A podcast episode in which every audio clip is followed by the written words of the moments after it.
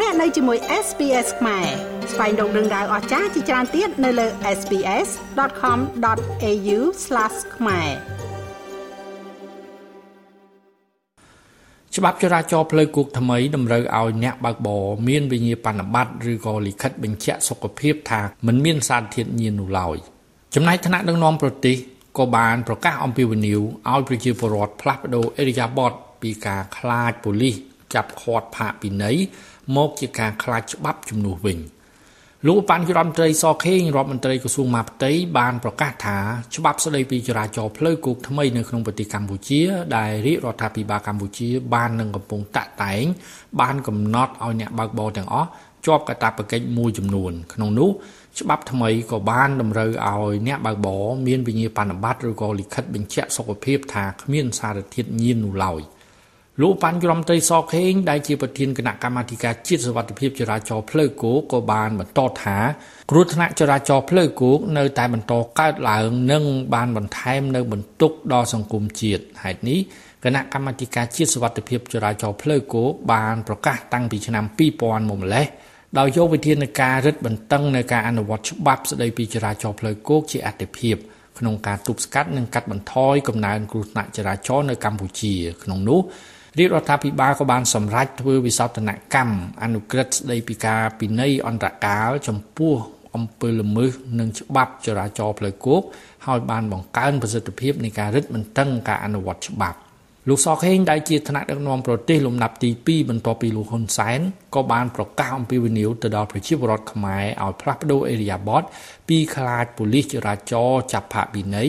មកជាការខ្លាចញញើតច្បាប់ជំនួសវិញលោកសខេង តែកាលណាមិនមានពាក់ខ្សែក្រវ៉ាត់ពេលគ្រោះថ្នាក់បើមិនស្លាប់ក៏គ្រោះថ្នាក់នឹងធ្ងន់ធ្ងរដែរ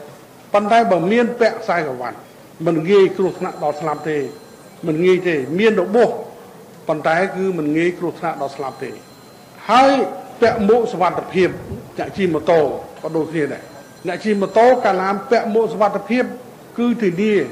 ដល់ការស្លាប់បាត់បង់ជីវិតនេះច្រើនពីព្រោះមួកនឹងវាជួយដល់ក្បាលរបស់យើង ប៉ុន្តែចំណុចនេះតាមការសង្កេតមើលរបស់ខ្ញុំឃើញថាពេលដែលប៉ូលីសសមត្ថកិច្ចចរាចរណ៍រឹតបន្តឹងបន្តិចទៅពួកគាត់ខ្លាចតែដល់ប៉ូលីសលេងស្រែកគាត់ក៏លេងខ្លាចដែរអញ្ចឹងប្រែមកថាគាត់មិនមែនខ្លាចច្បាប់ទេគាត់ខ្លាចប៉ូលីសទៅវិញចំណុចនេះខ្ញុំសូមថាឲ្យដូរការយល់ឃើញខុសនេះទស្សនៈខុសឆ្គងនេះចេញ គឺត្រូវខ្លាចច្បាប់ជាងខ្លាចប៉ូលីសស្រុកយើង យើងក៏ចាប់ផ្ដើមរៀបចំជាបណ្ដាបណ្ដានៅឧបករណ៍សម្ភារៈបច្ចេកទេសមួយចំនួនប៉ុន្តែវាមិនទាន់បានលឿនទេមជ្ឈបាយអត់មានអីច្រើនទេមែនតើគឺថាយើងចាប់កាមេរ៉ាឲ្យបានច្រើនហ្មងតែយើងអត់ទាន់មានលុយគ្រប់មានលុយនោះចាប់កាមេរ៉ាឲ្យបានច្រើនតាណាក៏ឃើញដែរតាណាល្មើសច្បាប់អីឃើញទាំងអស់ចាបានប្រទេសដែលគេមានមជ្ឈបាយនៅច្រើនគេមិនបាច់ប្រើប៉ូលីសច្រើនទេប៉ូលីសនៅក្នុង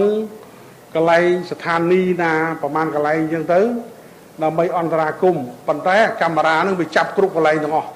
យ៉ាងណាក៏ដោយសភាពការគ្រោះថ្នាក់ចរាចរណ៍ជារួមនៅក្នុងប្រទេសកម្ពុជា នៅតែកើតឡើងគួរឲ្យព្រួយបារម្ភតាមរបាយការណ៍ក្នុងរយៈពេល9ខែនៅក្នុងឆ្នាំ